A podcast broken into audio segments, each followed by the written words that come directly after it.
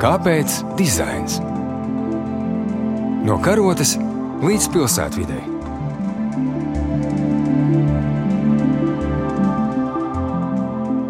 Labdien! Klasikas studijā Ilza Martinsone, Latvijas arhitektūras muzeja vadītāja un raidījuma viesis šodien ir Agnēs Tambaka, Latvijas Mākslas akadēmijas doktorantūras studente.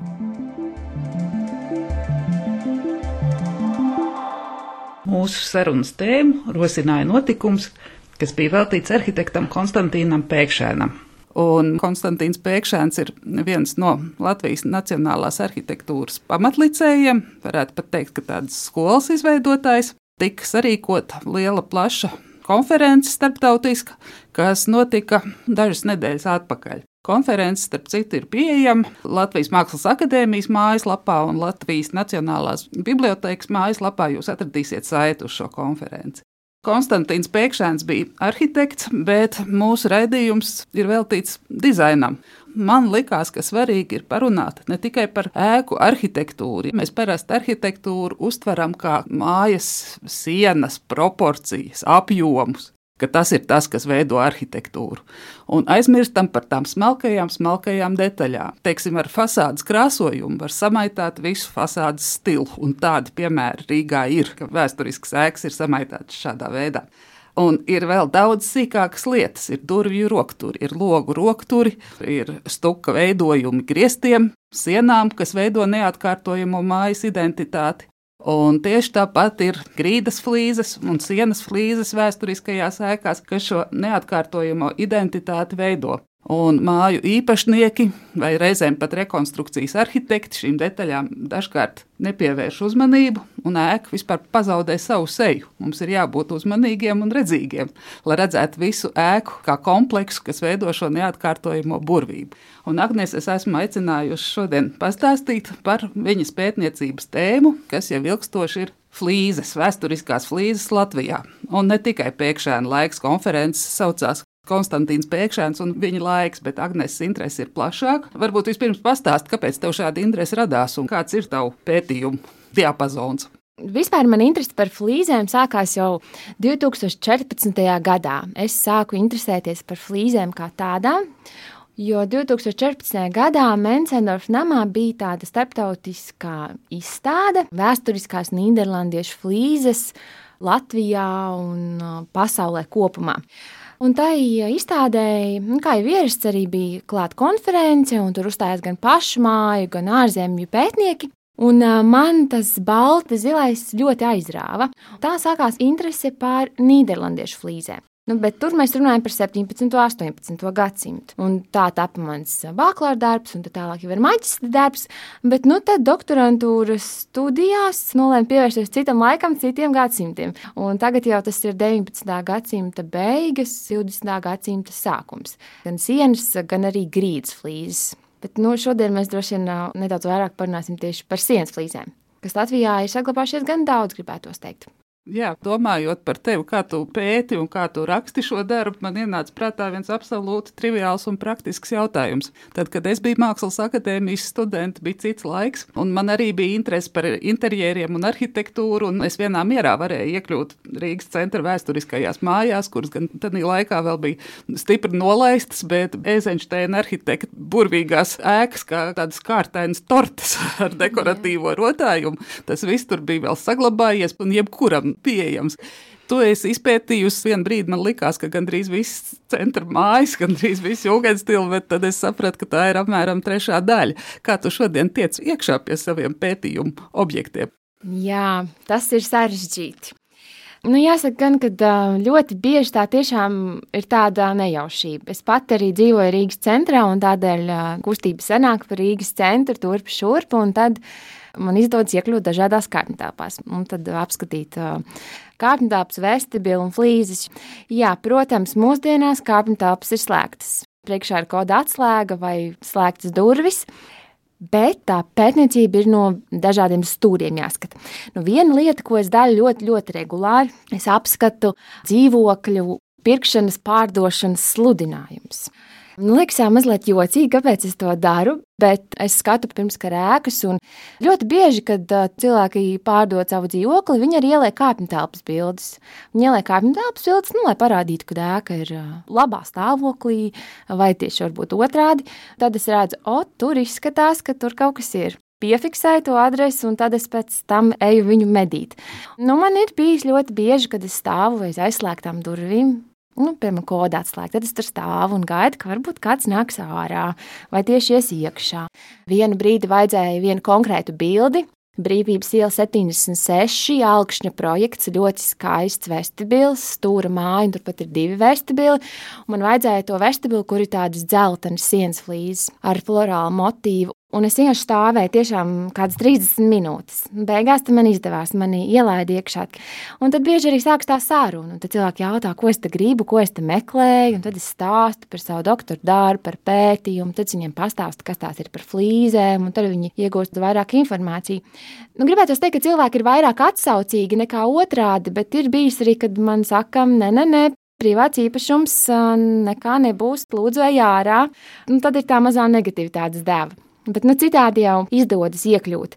Bet es noteikti neesmu pirmā, kas ar flīzēm ir sākusi Latvijā tādu apkopošanu, pētīšanu.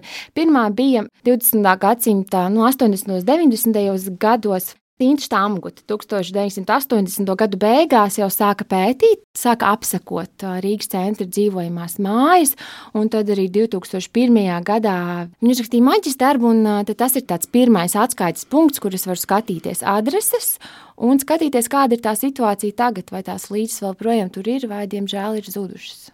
Labi, tu esi tikusi iekšā. Ieraugi flīzes, kuras ir iemūrētas sienā.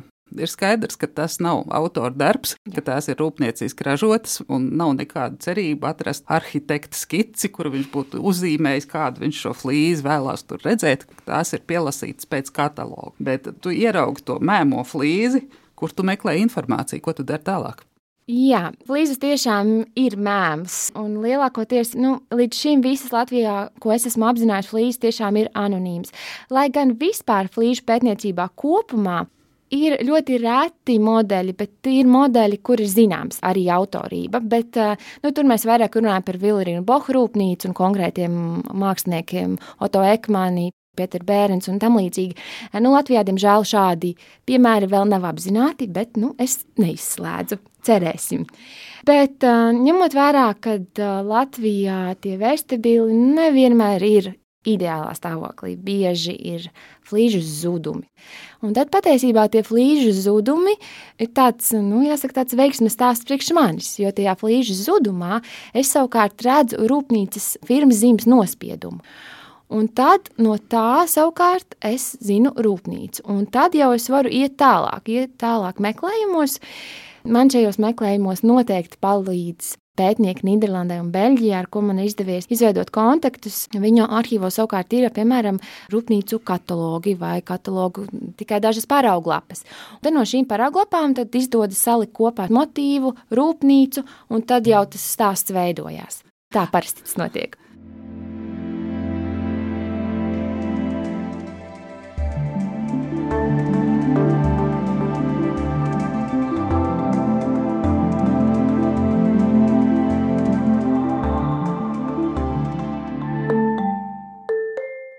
Atgriežoties pie pēkšņa konferences, man pats interesantākais bija lietuviešu kolēģis Daļas Klajumienas referāts, un tieši tāpēc, ka viņi pastāstīja ko tādu, ko mēs neesam līdz šim, man liekas, zinājuši un neesam zinājuši paši par sevi.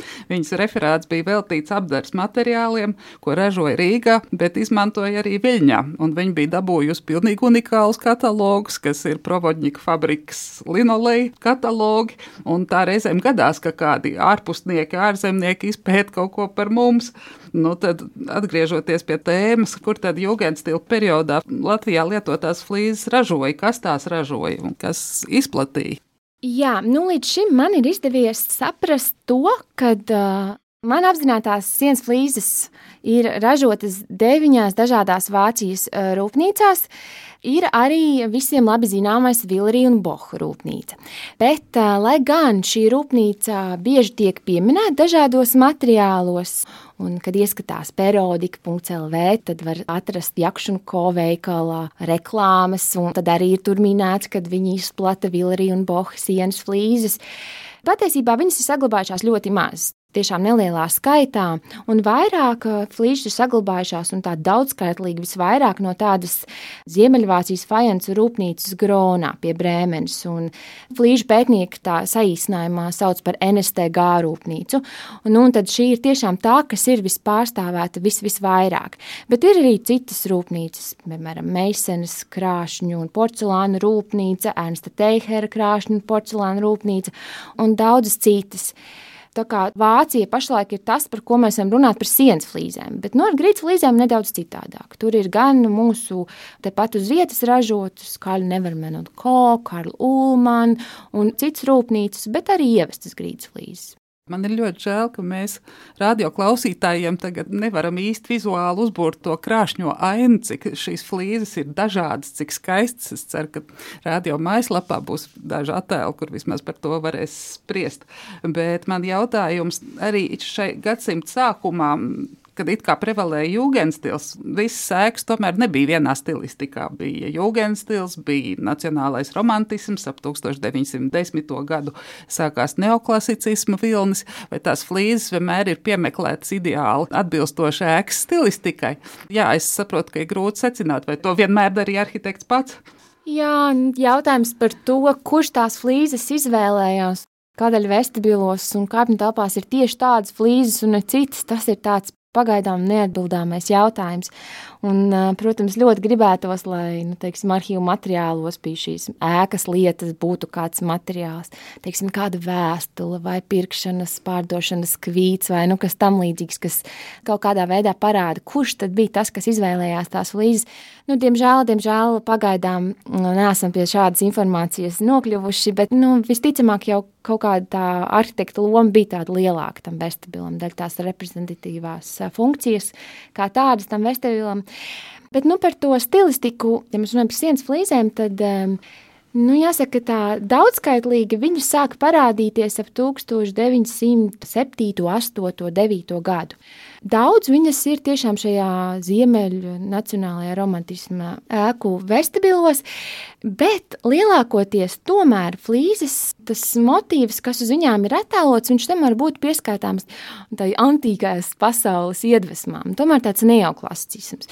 Ļoti daudz ir dažādu lauru lapu vainagu, festonu, girlandes, dažādi šādi motīvi, un tādi izteikti jūgenstila patiesībā nemaz nav tik daudz. Un patiesībā uz to norāda arī dažādi pētījumi citur Eiropā. Tajā pašā Nīderlandē, Beļģijā, ko es esmu jau minējis, pētnieki arī pie tā nonāk, ka tomēr visvairāk ir šie neostili. Mm. Un Latvijā, nu, Rīgā sastopamais tieši šis neoklasicisms. Jā, īstenībā tu teici, ka jūgens stils ir maz, bet man acu priekšā uzreiz nostājās viens ļoti skaists flīžu paraugs, ko var redzēt arī nelaužoties iekšā ēkā, kas ir portālā eksponēts, un tā ir bijusī ķeniņa skola Tērbatas ielā, kur var redzēt ļoti skaistas flīzes, un aicinu klausītājus ejot garām, būt redzīgiem un pamest skatu. Tērbatas ielas numuru tu no galvas atceries? Tērba iela 15, slīpsvītra 17, un manuprāt. Tu, jā, un tur joprojām ir skola šajā ēkā. Jā, tās ir ļoti skaistas. Uz flīzītēm ir attēlots florāls motīvs. Šķiet, ka tā varētu būt kā magone vai tulpe. Nu, tur pētniekiem vēl, vēl nav tā skaidri zināms, bet jā, ļoti, ļoti skaists flīzes. Un ir pat zināms, arī no kuras rūpnīcas tās ir. Tās arī ir Vācijas rūpnīca NSTG. Tā kā noskaidrot to rūpnīcu, tas laikam ir pētnieka tāds nu, lielais prieks, tad ir skaidrība nedaudz lielāka. Tieši tā. Vai tu esi pamanījusi kaut kādas atšķirības? Konferences bija konkrēti veltīta arhitektam Pēkšēnam vai arhitekti. Viņiem ir kāda iemīļotā flīze, flīžu raksts, ja to tā nevar tik vienkārši nolasīt. Nu, man līdz šim nav patiesībā izdevies tā, nu, tā nolasīt. Vai ir kaut kāds tāds konkrēts mm, kāds motīvs vai kas tāds, kas kādam arhitektam ir tā īpaši iemīļots un tādēļ. Bet, eh, nu, ir eh, vairāk varbūt var runāt par tādām rūpnīcām, kuras produkcijas tiek lietotas. Nu, piemēram, Konstantīns Pēkšņs, nu, viņam vispār tiešām flīzes ir daudz skaitlīgi tajos vestibilos, un nu, viņš izmanto ļoti daudz šo jau pieminēto NSTG rūpnīcu. Tā patiesībā bija tāda otrā lielākā pēc Vilrīna Boha Vācijā, un tādēļ nu, varbūt arī nav brīnums. Viņam bija tiešām tas ēku kvantitīvais skaits ļoti, ļoti liels, daudzskaitlīgi, un tad arī varbūt šī rūpnīca tika izvēlēta arī dēļ daudziem dizainiem, daudz šo krāsu dažādības. Iespējams tā. Nu, es mēģinu vilkt šīs paralēlas jā, ar šiem arhitektiem un, un varbūt šiem rūpnīcām, un tad, protams, tam pavisam pa vidu nāk vēl šie izplatītāji. Nu, tas ir tas, ko es savā pētniecībā arī mēģināšu tā kārtīgi saprast, kāda ir bijusi šī sadarbība šiem arhitektiem, arhitekta birojiem ar šiem izplatītājiem Rīgā. Nu, un tad tālāk tas ceļš savukārt izplatītājs un tā rūpnīca Vācijā. Kā viss šis ceļš ir strādājis, tas tāds tirzniecības pētniecība jau senāks nedaudz.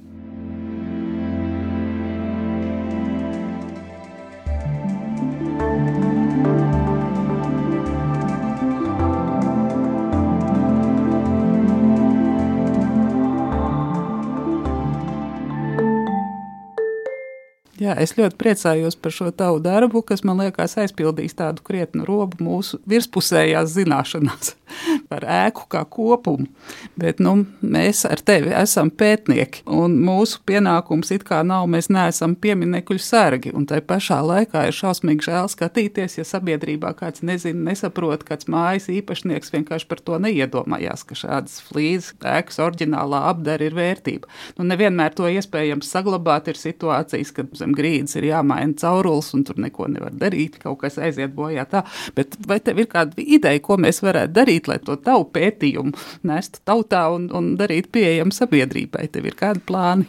Nu, es mēģinu par to runāt. Es mēģinu par to runāt un mēģinu par to stāstīt. Man gribētos teikt, ka sienas flīzes pašlaik ir modē.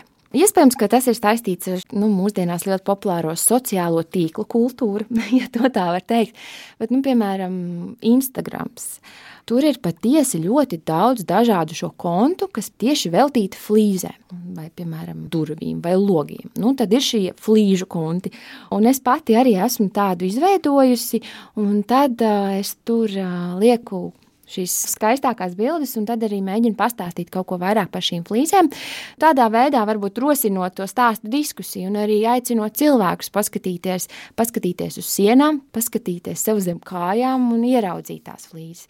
Jo es pati, man vecāki dzīvo arī Rīgas centra mājā, un es tur uh, dzīvoju daudzas, daudzus, daudzus gadus, un pilnībā nebija pamanījis, ka ir ļoti, ļoti, ļoti skaistas grīdas flīzes. Un tikai tagad pievēršoties šīm flīzēm šādā veidā, es beidzot viņas ieraudzīju. Nu, tas droši vien ir tas, ar ko es varētu sākt. Par to runāt, cilvēkiem rādīt, pastāstīt nedaudz vairāk. Jo tiešām ir ļoti, ļoti žēl, ka šīs flīzes tiek uh, pazaudētas un tiek izmestas vienkārši būvgrūžos mūsdienās. Jo nu, to ļoti labi parāda šis Intas Stamguts pētījums 2001. gadā. Nu, tagad es viņu nu, teiksim, tā kārtīgi sāku pagājušo gadu.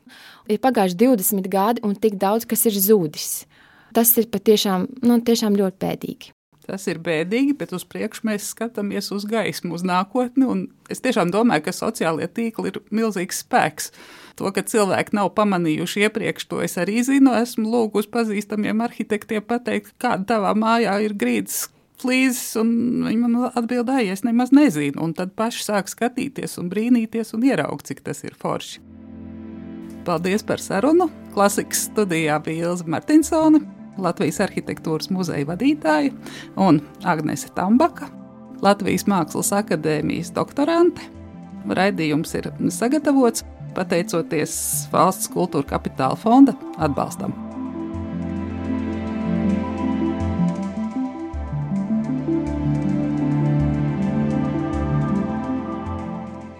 Kāpēc dizains? No karotes līdz pilsētvidai. Pirmdien, 9.5 ar atkārtojumu sestdien 18.18. 18.